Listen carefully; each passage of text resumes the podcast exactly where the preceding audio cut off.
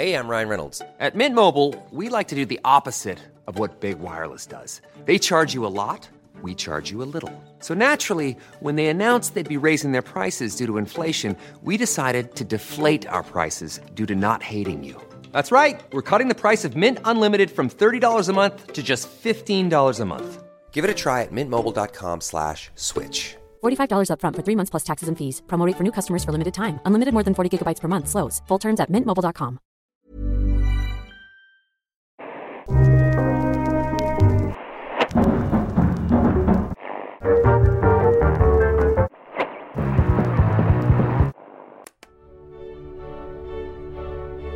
De är de bästa lagen.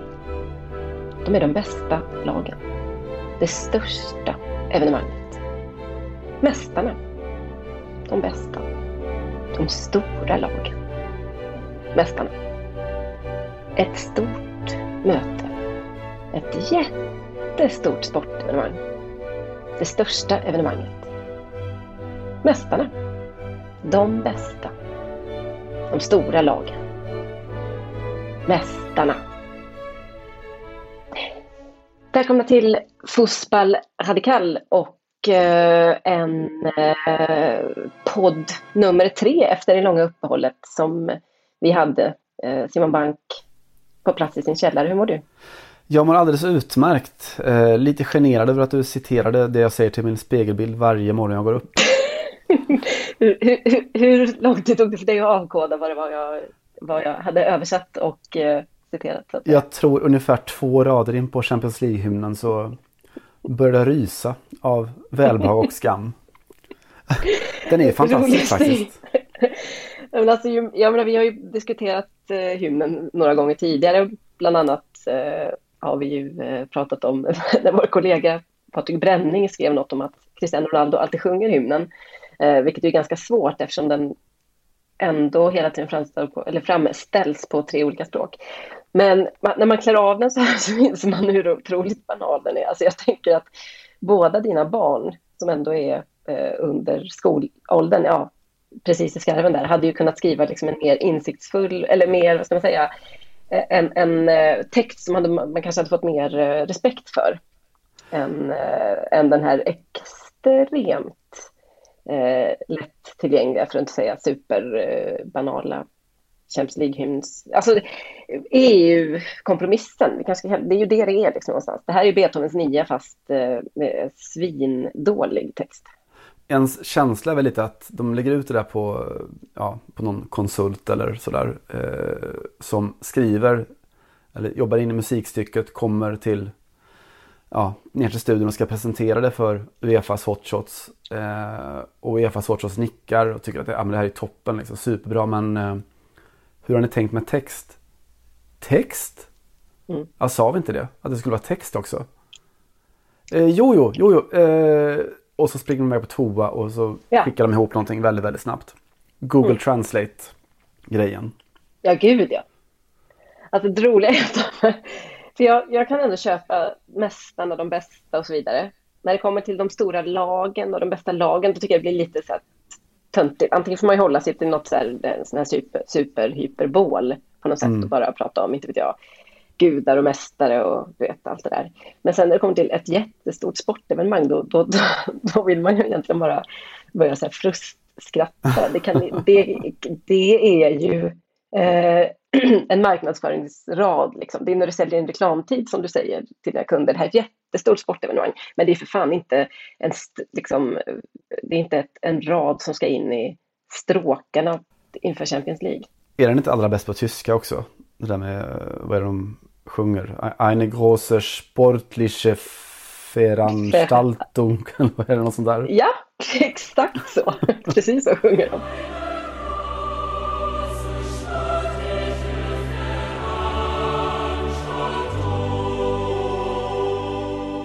Det är inte den största poesin sen Rilke. Men kan det också varit att tysk, alltså, de, tyskarna, vi utgår från att de hade liksom en, en rejäl fot inne i det här projektet, för att inte säga veto. Ja, förlåt. Och, så, och, då, och, då, och så kanske jag att fransmännen ville ha så här, ja, men det, det, måste vara liksom mycket om mästarna och det största och det liksom oslagbara så, lite abstrakt men väldigt eh, bombastiskt. Och så kanske engelsmännen tyckte också att eh, ja men absolut, det ska, det ska vara, vi vill ändå att det ska få in de stora lagen och så kommer tyskarna med sin extrema önskan och strävan efter liksom, konkretism och bara, det måste vara något om att det är ett jättestort sportevenemang, alltså det största sportevenemanget vill vi ha med. Är inte Veranstaltung med så vill du inte vara med. det måste liksom finnas en säljpitch någonstans i den här låten. Mm. Ja, fan förlåt, nu har vi lagt jättemycket tid på att bara tramsa. Vi har en fullspäckad podd idag, får vi säga. Allt kom till också sista fem, fem förberedelseminuterna känns det som. Och Champions League igång också. Vill du ha sagt något om det? Champions League igång. Det är ju liksom, det är den, det är den stora poängen här. Det som du sa innan, kill och tjej Champions League är igång. Eller det är inte riktigt sant då, men eh, gruppspelet igång för herrarna och eh, tjejerna har fått eh, en lottning. För första gången i historien kändes ju otroligt självklart när det skedde. Och mm.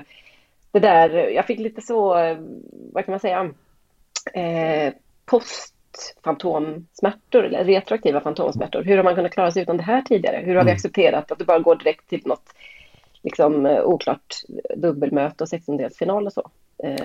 det är ju så här det ska vara. Det är så här det ska vara. Det är mm. jättekul. Det, det där att sitta med. Alltså på sätt och vis nästan mer intressant än på herrsidan. Att sitta. Herrsidan är ju vad den är. Man är ju tämligen säker eh, normalt på ja, de här två kommer gå vidare. Eh, på damsidan så är det, det är så mycket som känns nytt och, och speciellt så. Mm. Eh, och sen att få in, få in Häcken rätt in i, i den där gruppen. Det kittlar ganska ja. mycket. Det gör det absolut. Jag tyckte faktiskt, jag led lite med Häcken och svensk damfotboll där, för det kändes som att Ja, nu, om det eventuellt lyssnare som inte hört det så blev det ju både Bayern München och Lyon. Och det, alltså, det gick ju inte att dra eh, två jobbigare lag från de två potterna som, som, eh, som inte var Häckens, så att säga. Det vill säga pott 1, eh, eller sidningsgrupp 1 säger man väl, där eh, Bayern München fanns med då i kraft av av eh, mästare förstås. Och så minns vi hur, hur långt de gick förra året då till semifinal och pott nummer två, sidningsgrupp två, där Lyon befann sig, måste ju varit första gången på någonsin mm. nästan. Eh, efter att man faktiskt inte vann ligan förra året. PSG gjorde det och dessutom så röker man ju i, i Champions League i eh, kvartsfinal redan, vill mm. jag minnas. Eller var det semi? Nej, det var det kvarten. Ja, hur som helst. Och Ja, nej, nej, det kändes bara så tack och hej Häcken. Trevligt att ni ville vara med. Det, det var också lite känslan av som förstärktes i går kväll när Malmö åkte på duktigt med pisk eh, på här sidan av, av Juventus. Att, äh, det är, att svenska klubbar är med och, och liksom tittar på och får vara med i ett jätte jättestort sportevenemang. Det har man accepterat på här sidan. Det är ju en gång var tionde år. Ja, exakt. Var femte år med lite tur som det kan ske, men oftast inte så ofta. Eh, på damsidan är man ju ändå van att, att det finns en eller två eller ja, ibland till och med ett gäng svenska klubbar. Och att, jag fick också lite så här, vad säger man, retroaktiv fo, FOMO eller FOHOMO, fear of having missed out på något sätt. Njöt man tillräckligt mycket när, när Umeå vann eh, varannat år eller när eh, Tyresö gick till final och alla de där grejerna. Nej, och det är ju lite att återigen när man sitter och, och går igenom de här 16 klubbarna så inser man ju väldigt snabbt att att tiden är förbi, inte bara UIK-tiden. Eh, men alltså man ser, ja, okej, okay, Charkiv är där och mm, vad heter det isländska, Breidablik är där och mm. Köge är där. Och så förstår man att men så kommer det inte vara så länge till. Eh, nu kvalade Celtic och Feyenoord har, har fått eh, lag på damsidan och det är de stora vanliga kanonerna. Eh, så två, Holländska två klubbarna kommer ju också. Precis. Om två år så kommer det inte finnas några Köge och Breidablik och kanske inga Häcken heller där i, i gruppspelet. Nej, det ligger väl i farans riktning.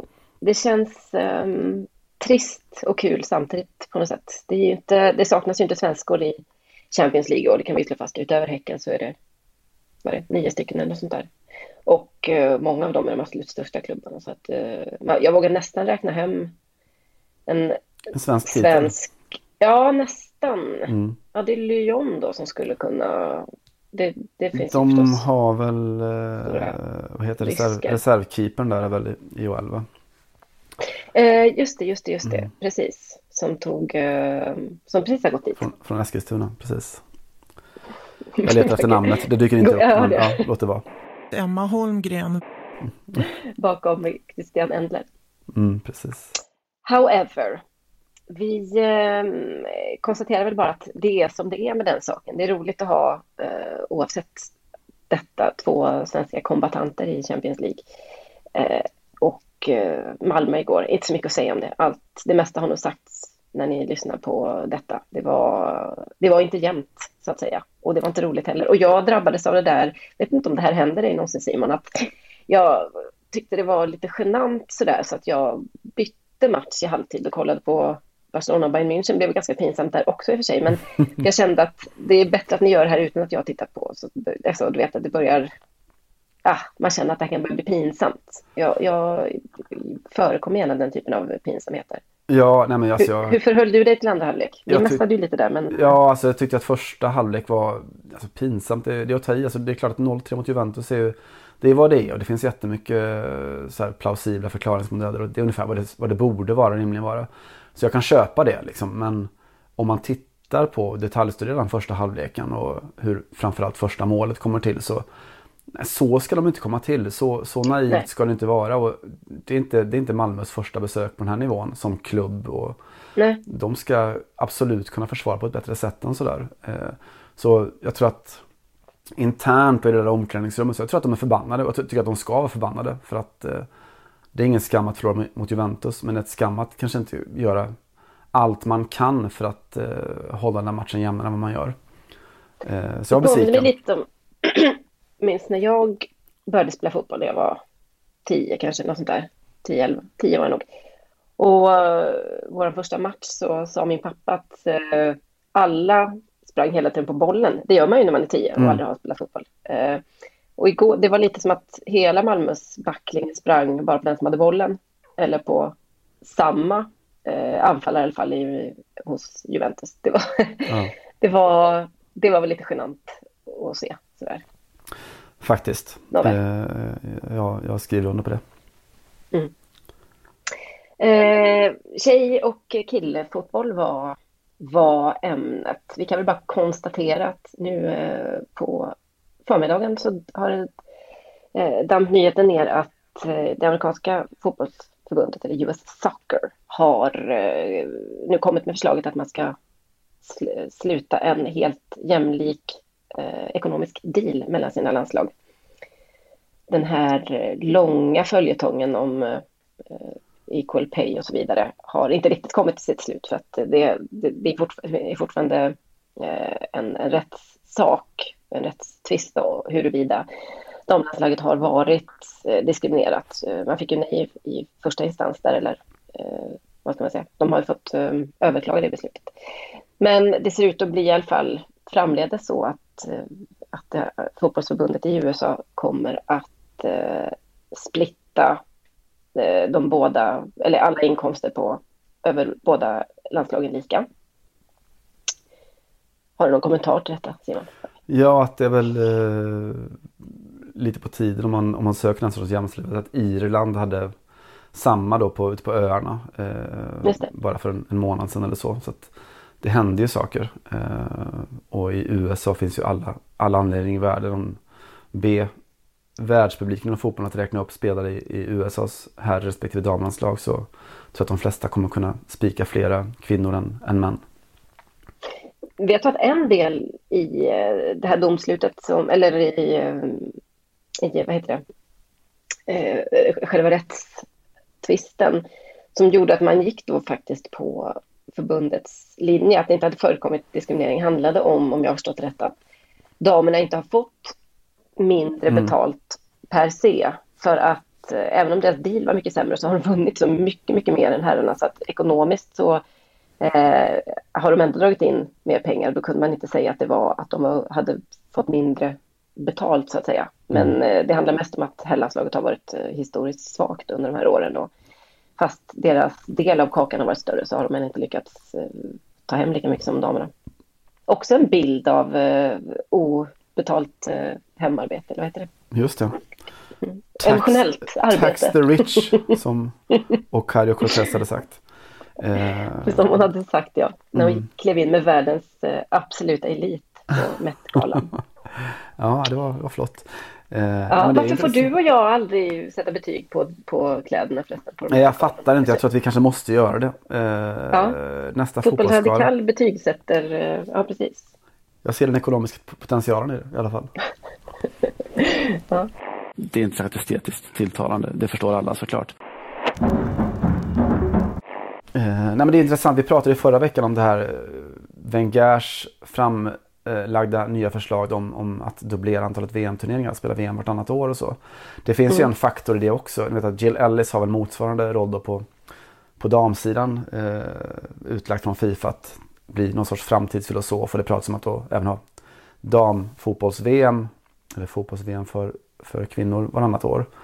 Mm. Eh, en del och en aspekt av att då ösa på med dubbelt så mycket mästerskap är ju att du kommer ifrån hela den här eh, faktiskt kvaliteten som har funnits, eller fördelen som har funnits för, för kvinnors fotboll. Att de faktiskt då varannat år får vara ensamma på scenen och ha sitt stora mästerskap. Eh, det med, om det blir liksom dubbelt så mycket turneringar så kommer ju bland mycket annat då kanske damfotbollen att, att drunkna i, i det utbudet. Eh, mm.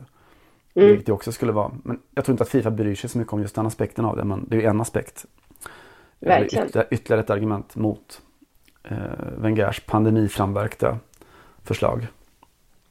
Nej, men det, det visade sig, sig väl ganska så tydligt att de Fifa eller Uefa bryr sig inte så mycket om det eftersom det var när pandemin slog till så var det så här nu flyttar vi fram herrarnas mm. EM ett år och så var det inte vet jag 30 sidor och så var det en fotnot. Dessutom så får tjejerna maka på sig ett framåt också så att det inte Just det. krockar. Just det. Eh, speaking of Uefa så har de också eh, meddelat eller slagit fast att eh, damlandslagen måste ha en kvinna i tränings, eh, tränarstaben. Du såg detta? Jag noterade Victoria detta. Sandell, före detta Svensson, är faktiskt med på kvinnokvoten där. Även om det sannolikt inte är det enda hon gör i, kan tillföra damfotbollen. Det här liksom att att Uefa väldigt ofta, eh, alltså också när de tänker rätt så ja. tänker de alltid lite, lite fel. Det är Hur, fullkomligt eh... sinnessjukt det där förslaget. alltså, ja men det är också riktigt sjukt att känna att så här, vi måste, vi, vi, vi har jämställdhetsproblem här inom fotbollen, det är ganska tydligt. Liksom. Var, var är de som värst, vad behövs det åtgärder? Och så bara, mm. eh, eh, eh, alltså, nu behöver man tänka lite, alltså kommer han tillbaka och han bara, inom damfotbollen va? Ja, ja, ja, ja, det är där vi har de, den, den riktigt stora flagranta eh, jämställdhetsproblematiken. Gud, alltså det skulle ju kunna finnas, alltså historiskt kanske inte längre, men för några år sedan, eh, skäl eller ett, ett, argument för att ha det precis omvända. Att ha, vi kvoterar in män i, eh, i ledningen för, för till exempel damlandslagen. Eftersom det då fanns då fler välutbildade ledare på här sidan. Eh, mm. Om det nu, om man vill på något sätt höja, höja nivån då. Alltså inte höja nivån bland kvinnliga tränare men för att höja nivån på, på fotbollen och verksamheten. Jag säger inte att man mm. skulle göra det, det har också varit en, en idiotisk idé. Men just det här är ju sinnessjukt med tanke på att det ser ut som det gör i, i, i herrmiljön och där man verkligen skulle behöva, eh, skulle må jättebra av en större, större mångfald på alla plan i, inom ledarstaberna. Mm. Inte minst den svenska. Nej, precis. Och det, det får mig tänka lite på den här eh, ganska bisarra debatten för ett tiotal år sedan, mer kanske, när det diskuterades om eh, Pia Sundhage, liksom, hade, hon, hade hon hållit och tränat mm, allsvenskt mm. herrlag? Och det var så här, ja, och så var det nej, och så tyckte Anders Svensson något och så tyckte någon något och så var det bara så här, var det liksom någon som var tvungen att harkla sig lite så här, eh, ja alltså Pia Sundhage leder USAs damlag i fotboll, det liksom är mm. OS-guld på, på ett bräde där. Det är inte säkert att hon ser fram jättemycket åt att liksom springa i, köra kvällspass i så elljus och snett regn i, i någon, inte vet jag, gudsförgäten del av Göteborg. Alltså det kan hon kanske tänka sig, men det kan också vara så att hon har ett lite coolare jobb just nu. Ja. men man kan väl också konstatera i alla fall att det var lite som när eh, Ballon d'Or härom, härom året skulle utökas till kvinnor också. Ada Hegerberg vann den första historiska statyetten. 2018 var detta. Och läget är så otroligt bra för att slå sig för bröstet och bara säga att nu jävlar. Och så kan de ändå inte låta bli att också introducera ett nytt pris till eh, U21-spelare som bara går till manliga U21-spelare. Koppa, Koppa-trofén. Det är så, så jävla, jävla... Ja, det är så himla otur. Han är inte dum. Han har bara otur när han tänker. Alltså det är också så. Ah, det går så himla bra hela vägen och sen så bara nej, det sket mm. sig på slutet. Det gick inte. Den här liksom genomsexistiska eh, nerven, eller vad ska man kalla det, reflexen, den, den, den går liksom inte riktigt att, att hålla i schack alltid. Jag tror att de har någon slags genuskonsulter och så på i Fifa och Uefa? Det är en mycket bra fråga. Utan att veta så tror jag att de har ju säkert någon som har det på visitkortet. Det vore väldigt konstigt annars. Genus kanske det inte står, men det står väl något om mångfalden inom fotbollen eller något sånt där tror jag inte. Ja, just det. Det kanske är något, någon del av samarbetet med Saudiarabien som Fifa har. Just det. Kan vara. Jaha, vad har du på hjärtat den här veckan då? Eh, ja, jag har väl egentligen eh, inte först och främst, men jag, det slog mig att jag hade en, en överhängande sak eh, som jag glömde ta upp förra veckan. Mm. Eh, när vi ju då pratade ner Sveriges grekiska tragedi. Eh, mycket tidig morgon var det och vi var rätt slitna och så vi må vara ursäktade för det. Men mm. det slog mig en sak om Klockan var halv nio vill jag kanske säga. Om ni, ja, din tid ja, inte min tid. Nej, just det. Eller ja, den kanske var ännu senare för mig. Jag tänker på det. Det var kanske halv åtta din tid och halv nio min tid. Då. Ja, ja, tufft ja, var det i alla fall. Ja, så var det. Eh, utarbetad var man, trött och sliten var man och inte helt på, på tå kanske. Ursäkta. Och på jobbet gick det inte så bra heller. inte det heller. Eh, men Jan Andersson, eh, rubrikerna dagen efter, i alla fall de tabloida rubrikerna handlade ju om hur sur han var efteråt. Att han han högg på någon, någon pressansvarig som inte höll tyst under presskonferensen. Och det ena med det tre, tredje. Det var åt helvete och, och vad det nu var. Jag, kan tycka att det är ett ganska förtjusande drag för en, en idrottare generellt att vara, vara en dålig förlorare. Ja, just det. Men, lynnig sådär. Ja, Eftersom att det sådär. strider mot hela hans uppenbarelse i övrigt också. Verkligen. Det är då det, eh, man ser den här egenskapen. Jag har inget, inga som helst problem med det. Det jag har ett problem med är ju lite när man eh, strider mot sin egen, sin egen övertygelse och sin, e-, en av grundbultarna i sitt eget ledarskap. För eh, vi kan väl lyssna lite snabbt bara på vad, hur Jan Andersson sammanfattar en bärande del av, av sitt ledarskap. Han gör det en, på en fråga från, från Sportbladets Johan Flink då, före matchen i, i Grekland. Det kan säkert påverka på något sätt men på vilket sätt är helt omöjligt att förutse. Alltså det, det kan ju, och samma sak hur de väljer att spela. Det, det, alltså, vi, vi, kan bara påverka det vi själva ska hålla på med. Och sen huruvida de är pressade eller inte pressade och så vidare. Det, det, det, är ju som det är. Jag kan inte påverka det ett dugg. Det jag kan påverka det är vad vi gör. Och, och det är det vi pratar om och fokuserar på.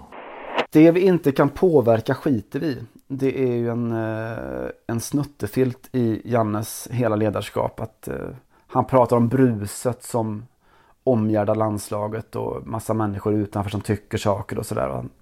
Det tycker Janne är helt sin ordning och man kan inte lägga energi på det. Eh, modernt, mindful ledarskap. Eh, man ska hålla sig till det man kan styra och påverka. Det finns ju ett undantag då, en, en blind fläck eh, i Jan Andersson kring just den här saken.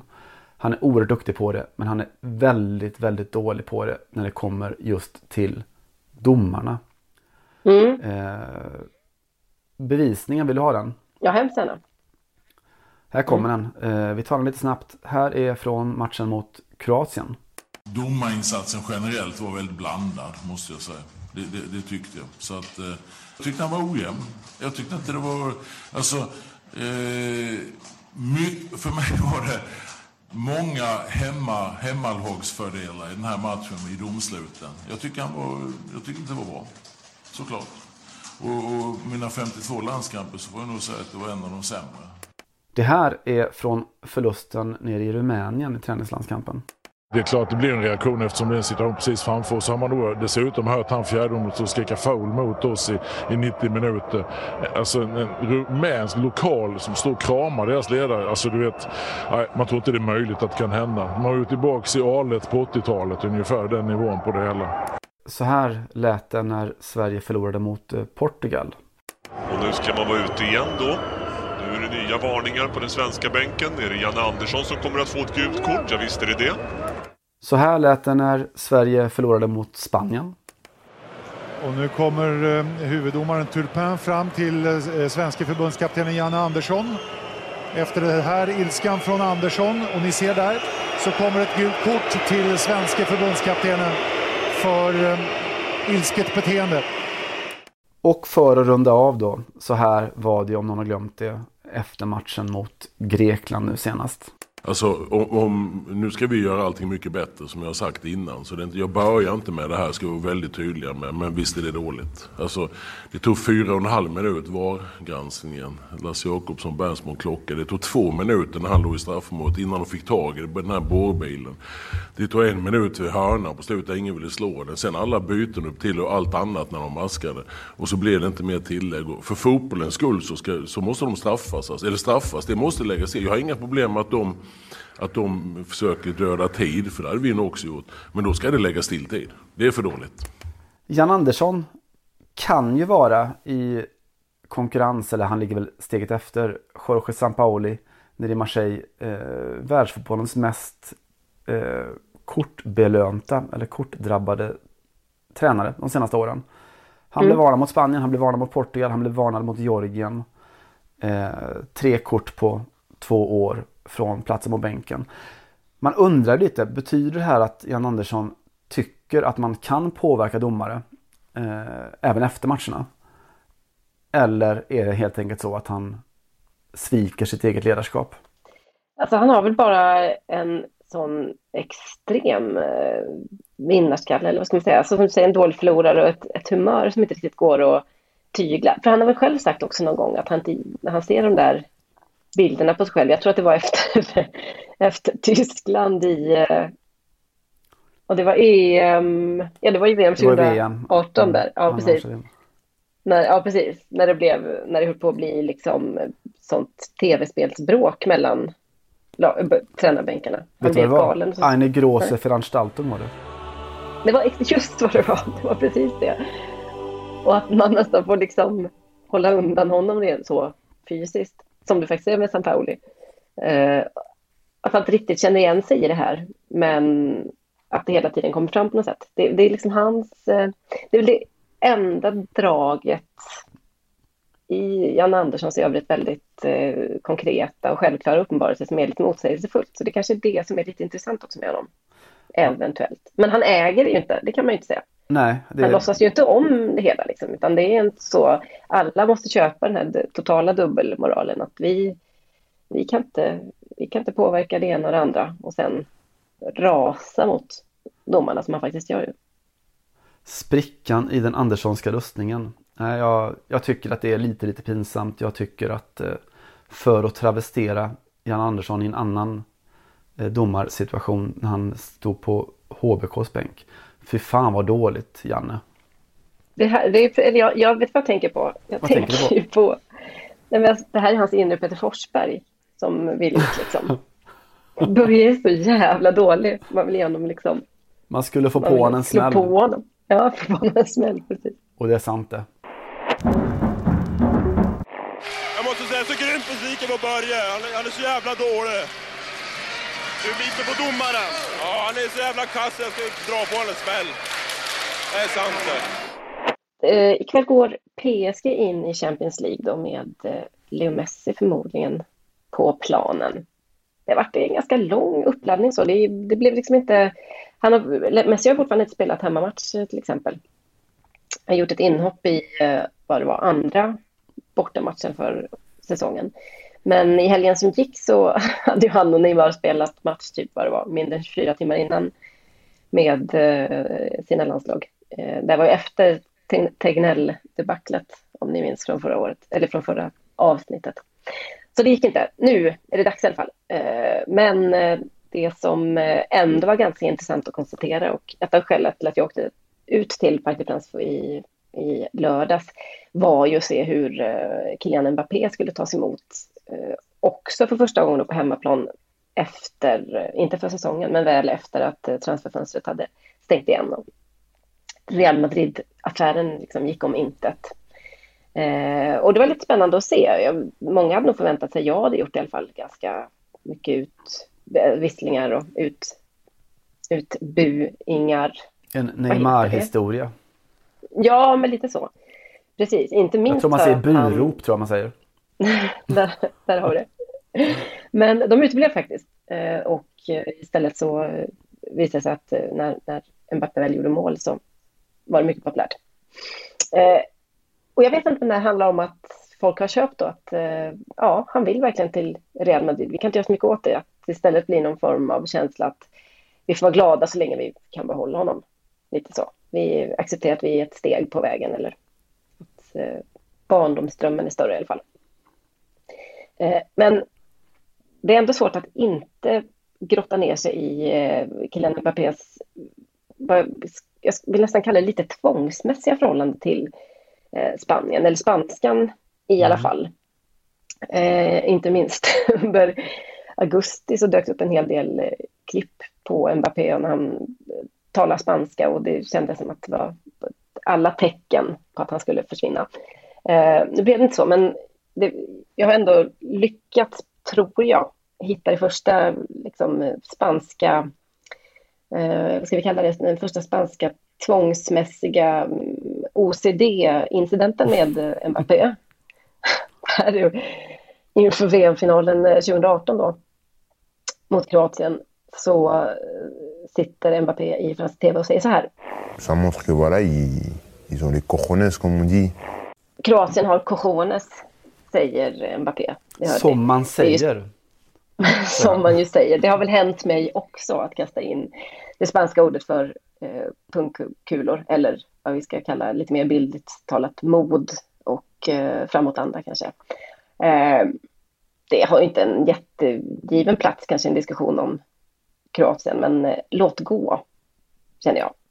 Eh, sen så eskalerar det här lite grann och Mbappé har ju varit på tapeten för eh, Real Madrid eh, flera gånger. Förra sommaren talades det också om det. Eh, sommaren innan också, så det, det, är ju ingen ny historia, men han har lyckats bli kvar och förlänga kontrakt då, eller PSG har lyckats behålla honom.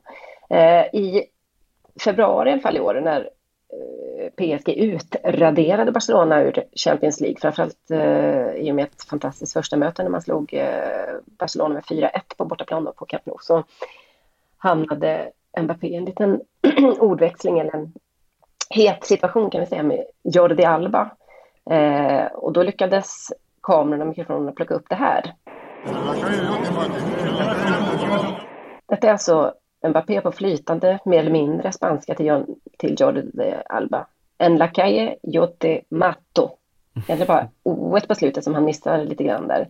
Eh, hade det här varit på gatan så hade jag dödat dig. Eh, tunga ord att säga till Jordi Alba. Jordi Alba, har han varit på gatan någonsin? Alltså det kändes bara som en sån konst. Det känns som att han skulle kunna potentiellt inte förstå vad det betyder. Vad menar du? Det känns också som att Jordi Alba, det är något som man hör varje match. Och alltså... på gatan. alltså det är en större jävel. Men, men det är en konstig grej att säga på, på spanska. Varför, alltså, också, här måste vi också ställa oss frågan varför talar Kylian Mbappé spanska? Det är faktiskt jätte, jättekonstigt.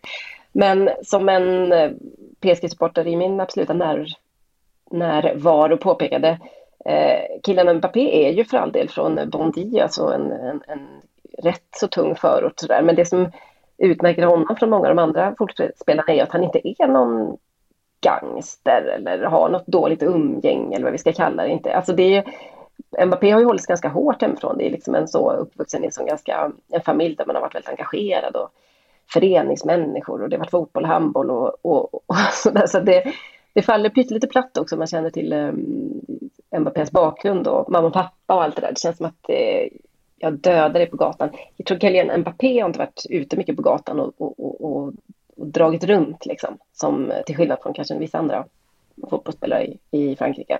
Kanske till skillnad från Jordi Alba också möjligen. ja och nej. Mm. Eh, I maj då i år så möter eh, PSG Monaco i eh, finalen i Franska kuppen. Och det låter så här när Mbappé kommer ut i spelartunneln och pratar med, lite oklart, men sina lagkamrater då. Framförallt så kanske han pratar med Idrissa Gana som står bredvid. Som är då senegales, alltså det vill säga frankofon. Vamos chicos, eh. Vamos chicos, eh. Es una final, eh. Para nosotros, eh. Vamos. Vamos chicos. Kom igen killar. Ej. Vi gör det här ihop, eller vad han säger. det här är en final. Ej. Para nosotros. Mm. Ej. För oss. Kom igen killar. Det här är en final för oss. Eh, först och främst, ja, det är en final för er för att det är en final. Det var så att säga finalen. final för de andra också. Men för er, för att Mbappé, varför pratar du spanska med Ghana Gate? Det finns ju inte något som helst skäl till det. Det är jätte, jätte, jätte Alltså det här är ett tvångsmässigt förhållande till spanskan. Varför, är det en härskarteknik eller att han vill visa att han, är, att han är en plugghäst och så? Jag är inte bara världens bästa Till skillnad från Jordi Alba så är jag ju också en plugghäst. Ja. Och jag är en plugghäst ja. som kan döda dig på gatan. Det, det blir ju sådär kontrafaktiskt på något sätt. Ja, det, det, alltså det, jag har så otroligt mycket frågor kring, kring just den här eh, ja, extremt märkliga valet av tillfälle att eh, prata spanska. Det, det, finns en sak som är rolig med fallet Mbappé eh, och just språken som ju säger ganska mycket om, om 2000-talets fotboll är att han är ju då en A-elev på, på alla plan och sådär. hans engelska är ju sensationellt bra för att vara en, en, en ung fransk fotbollsspelare. De flesta pratar knappt engelska. Han pratar flytande nä, nä, nästan med lite så amerikansk brytning. Mm. Och det är ju för att han, han valde ju, han var ju han skulle bli fotbollsproffs och inte bara som en målsättning utan han, han skulle bara bli det. Och visste om det när han var 10, 11, 12 år gammal. Eh, och valde av det skälet då att ja, men jag kommer plugga extra och jag kommer plugga engelska och spanska. Eh, jag tänker mig att hade han varit född 10 år tidigare så hade han kanske, kanske hunnit med italienskan också. Men det var ju liksom inget alternativ om man var, ja man är 20 plus eh, uppvuxen i Frankrike. Nej. Just det, men det är precis tvärt, tvärtom då mot Zlatan som eh, ja. stormade ut. Ryan Reynolds här från Mint Mobile. Med priset på nästan allt som går upp under inflationen, trodde vi att vi skulle bring våra priser down. So to help us, we brought in a reverse auctioneer, which is apparently a thing. Mint Mobile unlimited premium wireless. Have to get 30, 30, bit to get 30, bit to get 20, 20, 20, bit to get 20, 20, bit to get 15, 15, 15, 15 just 15 bucks a month.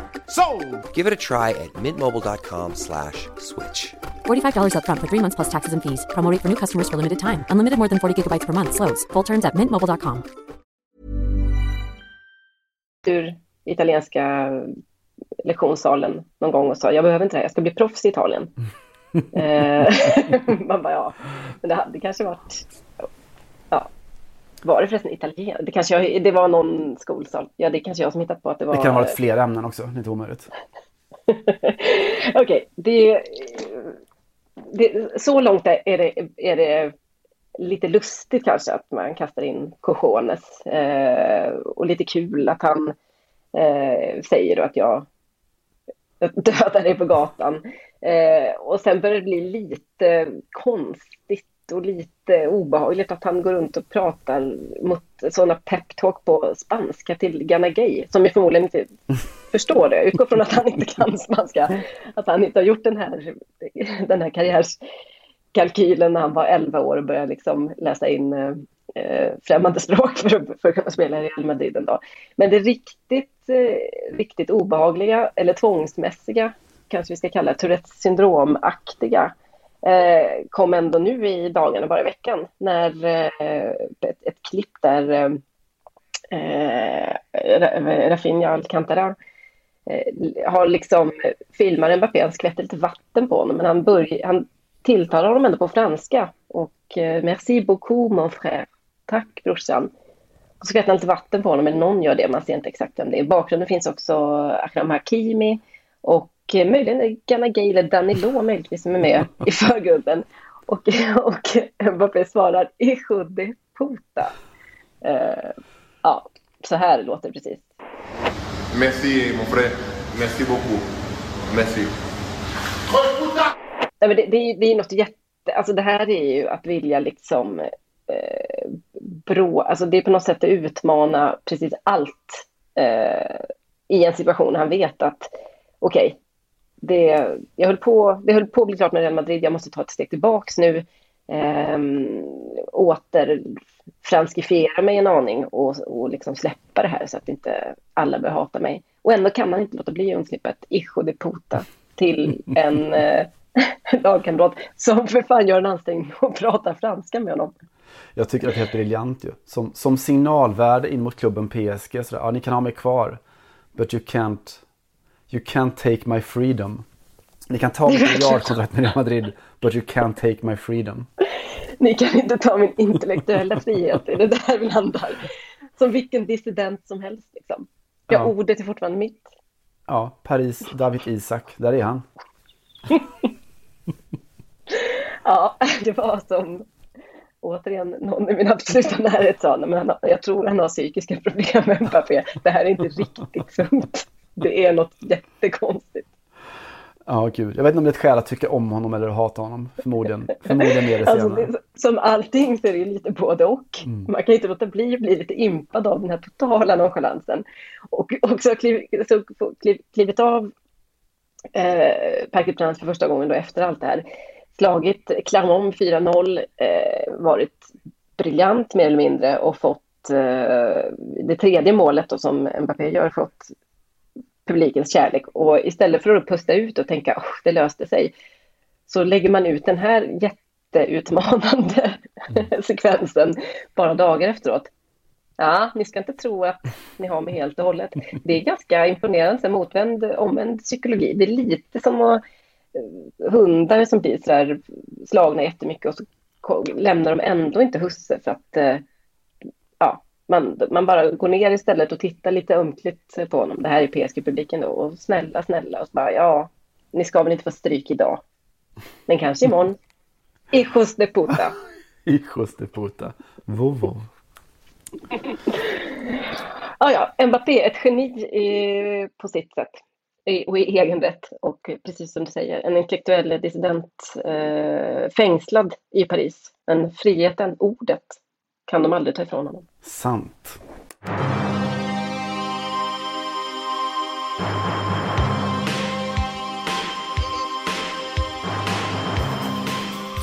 Johanna, du vet hur det kan vara när man får en låt på, på hjärnan sådär. Den liksom bara fastnar och så vet man inte hur fan den har hamnat där från första början. Mm. Den liksom hamnar i systemet på något sätt. Nu i veckan här så eh, berättade min, min älskade eh, tjej här hemma då att hon helt plötsligt så kom hon på sig själv med att gå och nynna Armani, Armani, A, A, Armani.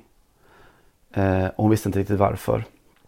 Eh, och jag tog över den slingan från henne då och har lyssnat på precis samma låt, alltså säkert hundra gånger sedan dess. Och tänkt väldigt mycket på vad den handlar om. Det, jag, jag vet inte ens vad det är för låt. Eh, det ska du få veta, jag lovar. Ja. Du får tåla dig.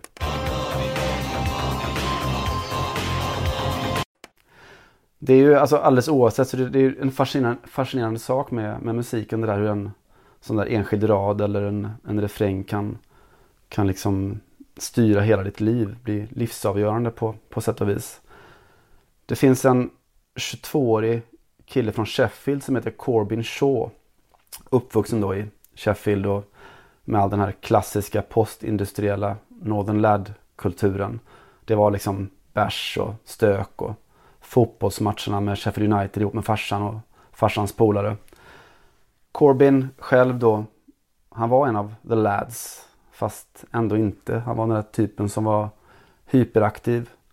Men när han väl kom hem så kunde han lugna ner sig med att sitta och rita ihop med morsan i flera timmar. Han kunde sitta liksom helt still då och hitta någon slags trygghet och lugn i det. Mm. Och det där var så starkt för honom så att han bestämde sig för att utforska det vidare med ritandet. Eh, och när han då hade nått de sena tonåren så bestämde han sig för att flytta till London och plugga. Och då fanns det en rad i en annan låt som fick honom att bestämma sig för precis vad han skulle göra.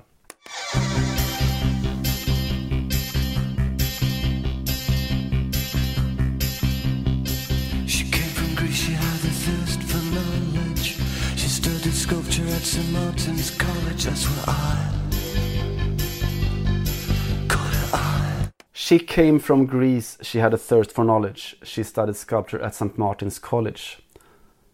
Den låten känner du igen? The common people. Det är precis vad det är. Corbin Shaw hörde och sökte såklart då St. Martin's College. Han skulle plugga konst. På grund av låten? På grund av låten. Oh, rysningar. Mm. Eh, det han också gjorde då när han väl började på St. Martins var att han började söka i sin egen historia som materia. Joris Cochrane var så himla nöjd om han visste det här dessutom. Garanterat. Och framförallt om han såg konsten sen. Mm. Eh, ja, det som Corbin Shaw gjorde var att han började tänka på vad det egentligen var han hade varit med om på alla de där fotbollsmatcherna. På liksom våldet och jargongen och ölen och sådär. Eh, hans farsas allra bästa kompis och bestman på pappas bröllop. Som då var en i gänget runt de här United-matcherna. Han hade tagit livet av sig. Eh, och Corbin Shaw funderade mycket på det också. Eh, det där grabbgänget då, fotbollsgänget, de sörjde ju sin döde polare och skrev hans namn på en sån här engelsk flagga med St. George's Cross. Eh, för att ta med den här på matcherna. Eh, och när Corbyn var med så såg han att det var inte bara den flaggan, det fanns många sådana flaggor med många män som hade begått självmord och som sörjdes och som hade vänner som kom ihåg dem och ville hedra dem. Mm. Och så började han använda det i sin, sin konst. Eh, och för att väcka frågan om vad det egentligen var som fattades i alla de här tysta, starka männens liv. Vad var det egentligen som saknades i deras maskulinitet? Det som... Får jag bara kasta in en fråga? Är det så att det är alltså ett vanligt eh, förfarande? Det är många namn i flaggor som är självmordsoffer på? Eller vad säger man? Det är bevisligen inte ovanligt i alla fall. Mm. Man ser de här namnen. Jag har liksom riktigt reflekterat i, i historierna bakom. Man förstår att det är någon som vill hedra någon. Men enligt Corbin mm. så är det inte ovanligt då att det, det rör sig om, om vänner som har tagit sina egna liv. Jättestarkt ju. Det som Corbin Shaw har gjort då är att han har till exempel då tryckt upp då Sheffield United-halsdukar med texten We should talk about our feelings på. Eh, St. George's flaggor där det kan stå Sweet and tender hooligan eller I'm never gonna be one of the lads. Eh, han har också använt sådana läktarsånger i, i videoinstallationer och kallat läktarsångerna för ett av de sista exemplen på hur en maskulin identitet lärs ut genom muntlig tradition. Det finns ett klipp till exempel där han, han och hans pappa tillsammans sjunger in en av världens allra vackraste läktarsånger. Eh, som ju är då Sheffield Uniteds den här Greasy Chip Butty Song. Still Curry. What about that? A quality goal by a quality player. You fill up my senses like a gallon of magnet. Like a packet of woodbines.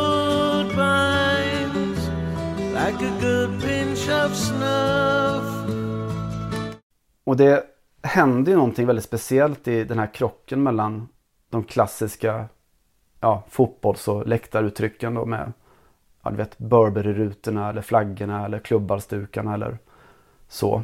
Eh, och det här väldigt mjuka budskapet, reflekterande budskapet. Det är ett sätt att lyfta och de här frågorna som är glömda eller gömda kanske då.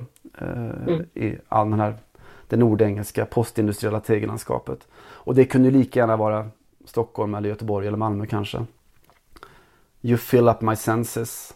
Och ändå finns det en massa känslor kvar och, som ingen kan prata om riktigt. För bilar är hårda och män är mjuka. Jag, kvinnor är hårda. Kvinnor är hårda. Män är mjuka. Som det stod kanske. på sån eh, brodyr eller broderi över kulturredaktionen, Aftonbladets kulturredaktion när vi satt ute i Globen. En föregångare till Corbin Shaw kanske. Han sysslar mycket med broderierna också. Eh, Bryderierna. det är med. Broderskapet och broderarskapet. Jag tänkte också på, när jag läste om det här så tänkte jag på en intervju, en annan intervju som jag läste i somras med John Fendley. Eh, en karaktär som alla i England känner som Fenners. Typiskt sånt engelskt smeknamn. Eh, John Fendley, Fenners, är programledare i Soccer AM, den här fotbollsshowen som går på Sky på lördagskvällarna där de summerar eh, i väldigt underhållande format, summerar matcherna och så. Eh, Fenners, också en sån här arketypisk lad. Han är Liverpool-supporter och ja, han är, han är snygg som ett jävla helvete om man får säga så. Oj. Eh, och det här var den sortens intervju där han fick prata om precis vilket ämne han själv ville. Eh, och han valde att prata om psykisk ohälsa. Han ville prata om de här sakerna som man inte pratar om om man är uppvuxen i Yorkshire och håller på Liverpool. Fendleys mamma och pappa hade då själva plågats av djupa depressioner under hela hans uppväxt egentligen. Hans farsa hade varit med om någon, någon sån där trauma när han var i armén. Han hade sett sina vänner dö eh, på något uppdrag i Tyskland och aldrig riktigt hämtat sig från det. Eh, vad var det för liv då som han levde, pappan? Fenners berättar i den här intervjun väldigt summariskt om det. Han säger Farsan fick sin lön på torsdagen. Han gav morsan 75 procent, sen bytte han om och gick till puben med polarna. Han var inte alkis. Jag såg honom bara full en gång. Men det var hans liv. Jobba, hem, tvätta sig, raka sig, puben. Och de pratade aldrig riktigt om det där. Uh, I couldn't really tell you what he was like. And that is hard. I feel guilty about that. Och sen så en dag så sa hans farsa hejdå. Han lades in på sjukhuset och han kom aldrig tillbaka. Han tog sitt eget liv på det där sjukhuset. Det var jobba, hem, tvätta sig, raka sig, puben, fotboll. John Fendley sa att han var väldigt, väldigt snygg va? Mm. Och han klär sig väldigt snyggt också. Han har ett Instagramkonto för sina egna jackor. Eh, han är en sån här fashionista, brinner väldigt mycket för mode och allra mest då sån här typiskt engelskt fotbollsmode, casual-modet. Det är så här Burberry och Helmut Lang och Stone Island. Och det finns ju någonting i det där som jag tycker är väldigt fascinerande med eh, att det finns en sån fåfänga just i den här ultramaskulina fotbollsmiljön då. Det, det ska vara sneakers och chinos och Fred Perry-jacka och allt det där. Eh, vi pratade om Champions League förut. Jag ska se och jobba med Liverpool-Milan ikväll. Eh, och det är en ganska bra ingång om man ska förklara varifrån den här fåfängan eh, på fotbollsscenen, huliganscenen, ultrasscenen kommer ifrån. För det var därifrån den kom från början. Tidigt 80-tal. Eh, engelska klubbar som spelar bortamatcher i Europa, ute i Italien framförallt. Supportrarna åker med och de super och de slåss och så shoppar de. Eh, trollbands av modet som fanns nere i Italien med och lånade mycket från då den subkulturen som framförallt kanske Milanos unga medelklass hade skapat. Med Vesper och Moncler och Timberland-kängor och Stone Island, fem rätter. Och man får ju komma ihåg det då för de som är lite yngre att det här var på tiden när världen faktiskt var väldigt, väldigt stor. När man fortfarande reste för att upptäcka saker och om man köpte ett par dojor i Italien så var det inte en jävel i Liverpool som hade sett någonting liknande någonsin. Så de här ladsen då, fotbollsladsen blev ju mannekänger på sitt sätt då. Stone Island hamnade hos dem och sen så hamnade det på Acid-klubbarna i London och så blev det något för Rave-kidsen och sen blev det något för grime-scenen eh, tidigt 2000-tal. Det är lite kul också att Drake, eh, rapparen Drake har tagit in Stone Island på hiphop-scenen nu också. En annan ultramaskulin eh, värld. Eh, jag noterar också att Stone Island förresten då i, i somras, eh, 40 år efter att huliganerna tog in och gjorde det till sin uniform då, köpte en fotbollsklubb. Första italienska klädmärket som köper en fotbollsklubb. De köpte Modena Calcio. Hur som helst då, fotbollsläktarna tog kläderna från Italien. Eh, de har ju fått sin musik snarare från gay-scenen. Också ironiskt nog. Du vet ju när Frankrike vann sitt första VM-guld 98, vad de sjöng då. I spelarbussen och sen på läktaren också. Det var ju... Mm. Gloria Gaynor. Gloria Gaynor. I will survive. Och sen så är det ju Go West på alla världens fotbollsläktare. Eh, överallt med Pet Boys. Och det där var väl lite min ingång i alltihopa. Eh, Armani, Armani. För att den där subkulturen som jag pratade om som uppstod i Milano på 80-talet.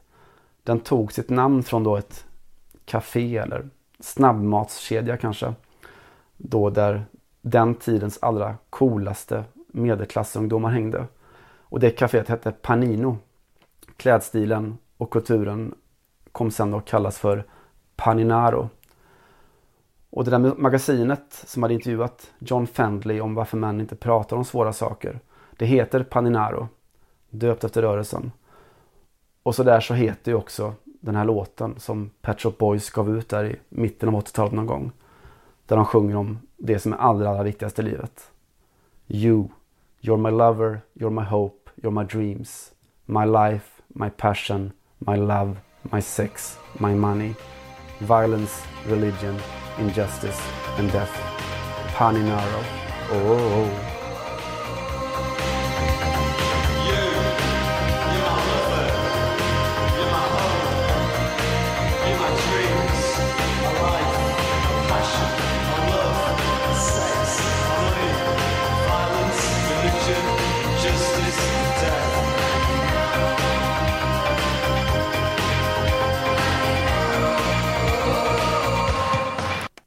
Där är den.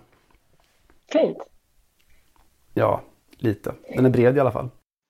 Pet Shop Boys var det Simon och Go West. Den är ju ett stående inslag på Parc des Princes. Jag ber om ursäkt förresten för en lite väl PSG-centrerad podd den här gången. Men det, jag har inte gjort så mycket annat sen sist. Eh, och det har dessutom kan man säga skakat i eh, själva fundamentet i den här klubben.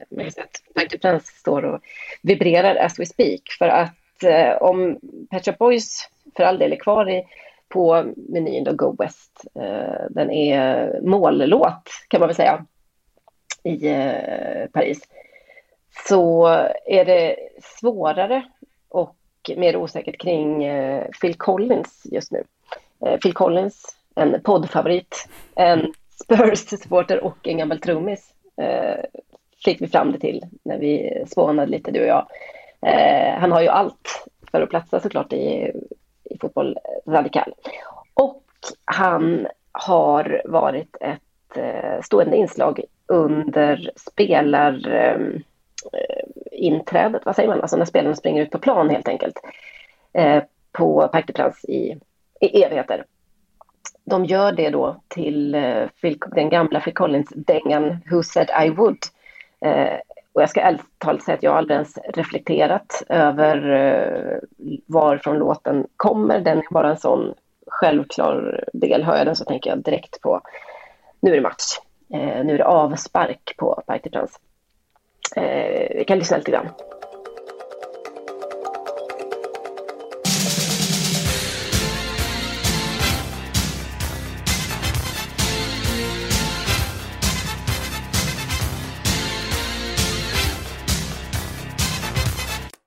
Så här har det låtit då i eh, evigheters evigheter. Uh, Go West tror jag för övrigt det, det är efter matchen jag tänker efter. På PSG så brukar den uh, gå ut och i en lite annan version än den klassiska från Pet Shop Boys. Hur som haver så hände följande häromdagen. PSG mötte då Clermont, jag har pratat om den matchen och till utlöpet hördes en helt ny låt. Ingen förstod någonting. Ja, vissa förstod förstås, för det hade talats en del om det på, på förhand. Men det visade sig i alla fall att eh, DJ Snake, eh, vad ska jag säga, musikern, musikproducenten, rapparen, vad ni vill, hade lånat ut en eh, slinga till PSG med betoning på lånat ut som skulle användas när man presenterade sina nyförvärv eh, häromveckan, vilket också gjordes då.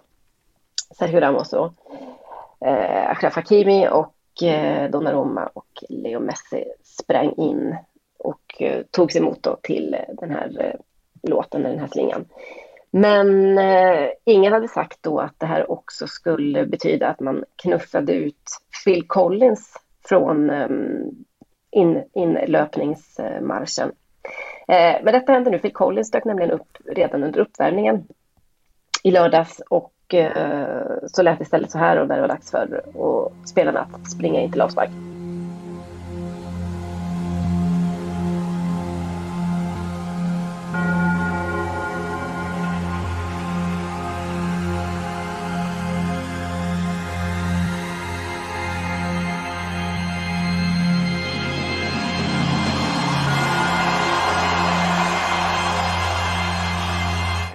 Här tog det då hus i helvete kan man säga.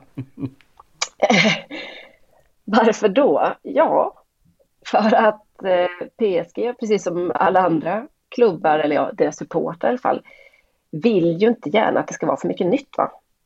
Okej okay, att eh, ni köper upp klubben från Qatar och bygger om arenan och kastar ut eh, ultrasgrupperna och så vidare. Okej, okay, kanske var att ta i. Man har väl inte riktigt gått med på det, men man har fått köpa långsamt. Men här gick topplaget av på något sätt. Och eh, det blev eh, protester. Jag kan säga att i måndags så hade den här namnlistan gått, uppgått till 2000 namn ungefär som har skrivit på för att eh, få tillbaka Phil Collins, inte som någon jävla uppvärmningssymfoni eh, utan som utspring låt, eller inför avsparkslåt i alla fall. Eh, det var för övrigt en eh, PSGs mångfaldsansvarig, jag antar att den översätts så, han är ansvarig för det som man kallar diversi diversification. Eh, som heter Fabien Allegre, eh, försvarade sig och sa nej men vi, vi har förankrat det här hos eh, båda, hos kollektivet och eh, vi, vi, liksom livet går vidare och en klubb utvecklas och ingen vill väl någonsin att vi, ingen har någonsin sagt att vi ska göra slut med Phil Collins, vi har flyttat lite på honom bara. Men på, från CUP då, Ultras-kollektivet, eh, så säger man att man har inte tillfrågats, eller i alla fall inte godkänt eh, detta. Och eh, man kommer ta till åtgärder så att säga. Så nu har några dagar gått och en hel, man kan säga en hel, eh, ett, ett helt krig har rasat i, eh, i och utanför PSG angående detta då och i lokaltidningarna. Eh, och till slut så har eh, nyheten idag kommit att eh, PSG av allt att döma igår var det igår kväll kom den så tar man ett steg tillbaks här och eh, tar bort DJ Snakes. DJ Snake själv då som kanske ska nämna det är en Paris-kille och eh, älskar PSG, god vän med flera spelarna och har följt klubben hela sitt liv. Eh, gick, han gick själv ut på sociala medier och sa att han kände sig lurad. Han har bara eh, lånat ut den här slingan till själva spelarpresentationen. Hade han vetat och så vidare vilken, eh, vilka proportioner det skulle ta sig, hur, hur de skulle använda sig av den så, så hade han liksom eh, aldrig gjort det. Eh, han är chockad, lika chockad som alla andra och förstår ingenting. Eh, från klubbens sida då så, och mångfaldsansvarig så försvarar man sig och säger att eh, man vill ha lite lokal touch på eh, PSGs eh, förmatchmusik. Och vad kan passa bättre än en eh, stor artist som har vuxit upp i, för Det är viktigt för klubben. PSG med den lokala touchen. Det är, det är en central faktor i hela deras klubbbygge de senaste åren det är så himla intressant att man känner att vi går in här och gör en liten poäng av att vi ska vara lokalt förankrade. Och också intressant då att, eh, den, att reaktionen som följer är ganska klassisk förvisso. Alltså, människor mm. gillar ju inte att byta vanor, så Nej. är det ju. Och man tycker ju inte om när saker som alltid har varit på ett visst sätt blir på ett annat sätt. Framför allt inte när det gäller uh, saker som ens favoritklubb och eh, till viss del tror jag också nästan vidskeplighet. Så här ska det vara, annars blir det inte någon bra match och så vidare.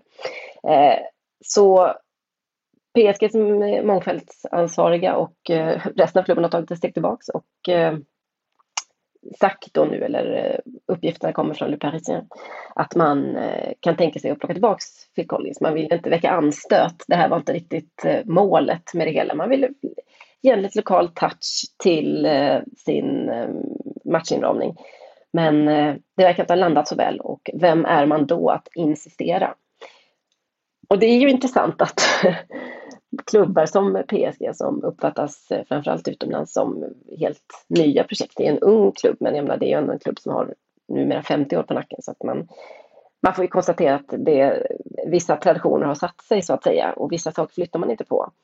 Och bilden av en av Europas kanske tyngsta och tuffaste och hårdaste ultraskollektiv eh, som PSG ändå får betraktas som är beredda att liksom De har ta dödat till folk på vapen gatan.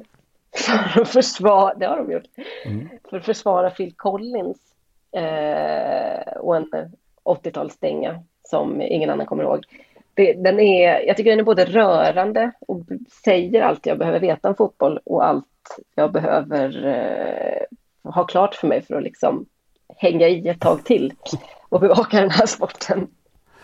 Det är väl liksom lite en sån här, ett eko från eh, när Steven Gerrard eh, väl var anklagad för att också åtalad ju för att ha misshandlat en DJ som vägrade spela Phil Collins. Han är ju själv tokig i Phil Collins. Stevie G. Ja, men jag är också, vi, den här podden är också tokig i Phil, Phil Collins. Det är, Phil Collins är en, en eh, klenod, en fotbollsklenod som jag tycker man ska vårda ömt. För övrigt så gick den gamle PSG-backen Erik Rabesandratana ut eh, och sa att eh, hur skulle det se ut om eh, Marseille till exempel tog bort eh, Jump med Van Halen. Jag tror inte det hade fallit så väl ut. Och det är lite samma sak. så man har alltså gått så långt här så att man har tagit till, eh, man har liksom gjort fienden till vän, eller i alla fall till exempel för att på något sätt försvara ett gemensamt intresse här, nämligen rör inte eh, Vår trummis. vår... Nej, exakt så. Nej men det finns ju någonting allvarligt i allt det där är ju för att det finns en sån bred tendens eller trend om man tittar på supporterkollektivet och, och, och reaktionerna så eh, klubbägare och klubbledare har varit ganska smarta i hela det här projektet med den moderna fotbollen att inse att just letargin kring är väl så viktig som allting som sker i själva skelettet av klubbarna. Jag tänker på Ivan Gazidis, jag berömde honom för många år sedan när, han, när Arsenal skulle växla in och bli den här sortens moderna superklubb och rev Highbury eh, och byggde Emirates. Och Gazidis gjorde en poäng av att gamla klockan från Clock End, den skulle minsann med till Emirates. Eh, och det gör att supportrarna någonstans får mycket lättare att köpa alla stora förändringar. Alltså ta in en, Ja. en ägare från arabstaterna eller från USA eller någon hedgefond eller vad det kan vara. Men bara allting ser likadant ut och låter likadant och smakar likadant så, så köper man det. det. är- Det är en större förändring för många fans att ändra en inmarsch än att ändra vem som äger klubben. Är det inte snarare så att, för så är det förstås, jag håller med om det, men kan det inte också vara så att man känner att här, det andra, det är liksom de stora ekonomiska omvälvande händelserna kan vi inte göra så mycket åt, det är lönlöst liksom. Mm. Men här har vi fortfarande makt att säga ifrån. Här ska de inte få köra över oss liksom. Och att det nästan, det här kanske blir nästan en sån, eh, ett, ett eh, substitut för mm. spe, eller supportermakt helt enkelt. Det här En är kamp inte som går att vinna. igen- Ja, en kamp som går att vinna och eh, också smart såklart av PSG om man nu ska vara djävulens advokat här och ta ett steg tillbaka och säga självklart har våra supportrar eh, allt att säga till om när det gäller hur klubben ska bete sig och vilka strategiska val vi ska göra så. Eh, de ger dem en liten, liten seger här som inte kostar PSG någonting i övrigt. Och sen så kan man tuffa vidare med eh, de stora ekonomiska kalkylerna och höja biljettpriserna och vad du vill, alla de där grejerna. Mm. Äh, där är vi. Du får gärna bli nazist älskling men måste du verkligen byta örhängen? Jag tycker så mycket om Precis de gamla. Där är vi. Precis så. Mm. Fußball. Radikal. Du, ska vi gå ut med lite kultur kanske? Och lite musik. Eh, för att återkoppla till diskussionen om det mjuka och hårda då kanske. Eh, Stuart Pearce, Stuart Psycho Pearce. Eh, har gjort, kanske inte gjort musik men varit med i musik i alla fall. Eh, han var ju ja, apropå arketyper, den generationens arketypiska fotbollsspelare. Fullkomligt jävla stenhård. Hård precis rakt igenom. Eh, med rötterna djupt nedkörda i liksom den engelska, brittiska imperiemyllan. Han hade en storebrorsa som var aktiv politiker i British National Party. Intressant, jag såg för inte jättelänge sedan att han eh, arbetade för Tories men blev avstängd därifrån eftersom de hade upptäckt att han tidigare då hade kandiderat för BNP. Mhm. Kan man tycka att det är en Brorsan sån, alltså? Ja, man kan tycka att det är, Mm. kanske är en grund att i en research att i alla fall göra en snabb googling på någon innan man skickar fram dem som frontman i politiken. Eh, så Stuart Pearce har ju tagit avstånd från, eller sagt att brorsans åsikter är inte mina. Men eh, att han är en patriot råder det inget som helst tvivel om hela vägen in i blodsystemet. Ja, en, en hård jävel helt enkelt. En väldigt sån typisk engelsk machoman. Eh, för många år sedan så fick jag någon fråga om han hade några nära vänner inom fotbollen. Ett par sa han, inte så jättemånga. Och så sa han att eh, But I'm not bothered about having famous mates. I don't live a superstar lifestyle. I went up to Blackpool on my own to see the damned last Monday. Det där är psycho alltså. Eh, Han älskar punk genuint och kunnigt och tillräckligt mycket för att åka till, till Blackpool på en gothspelning en vanlig måndag. Eh, Ändå bra familjegräl där. Julmiddagen kan ju hetta till direkt om han går på punk och brorsan kandiderar för Tories. det känns ju verkligen så som att det inte det skulle kunna dödas på gatorna där. Eh, han har inte tagit avstånd på det sättet, bara sagt att, att det där är inte mina åsikter. Eh, utan att ta avstånd. Han har inte gjort en Boateng så att säga. Eh, som ju tog väldigt Men- hårt avstånd från sin halvbrorsa. Nej, just det. Men har han sagt att han vet hur man säger jag ska döda dig på gatan på spanska? Jag tror att han skulle uppleva det som lite queer. Tomato and La Calle. Eller? Ungefär så. Ja, förlåt. Intern lingvistisk humor. Ja, det, Töntigt. den är uppskattad. Hans eh, Psychos favoritband, oklart med, med storbror Dennis, eh, är The Stranglers. Eh, en ömsesidig kärlek. För häromveckan så släppte Stranglers sin nya video till This Song. Eh, This Song som handlar om hur man kommer över och blir dumpad. Och huvudrollen i den videon spelas då mycket riktigt av en gammal landslagsback från Shepherd's Bush. Det är Stuart Pearce som springer runt bland betongen, kostymklädd och sammanbiten. Eh, vi kan väl lyssna lite på det här och kanske också lägga ut en videolänk då på vårt Twitterkonto Podcast Radikal. Podcast understreck radikal eller va? Det är mycket riktigt. Jag tror att söker man på de två orden så är det, har man goda skäl att hoppas på att den ska dyka upp. Men understreck är det helt sant. Understreck är det helt sant. Då är det där Mm. vi ses då tills vi är tillbaka igen. Vi lyssnar på The Stranglers, This Song. Eh, och säger tack och hej från Simon Bank, Johanna Frändén och, Julia Karlsson. Julia Karlsson. Den allra bästa. Boom. Och eh, ses vi inte innan dess så kommer vi döda på gatan.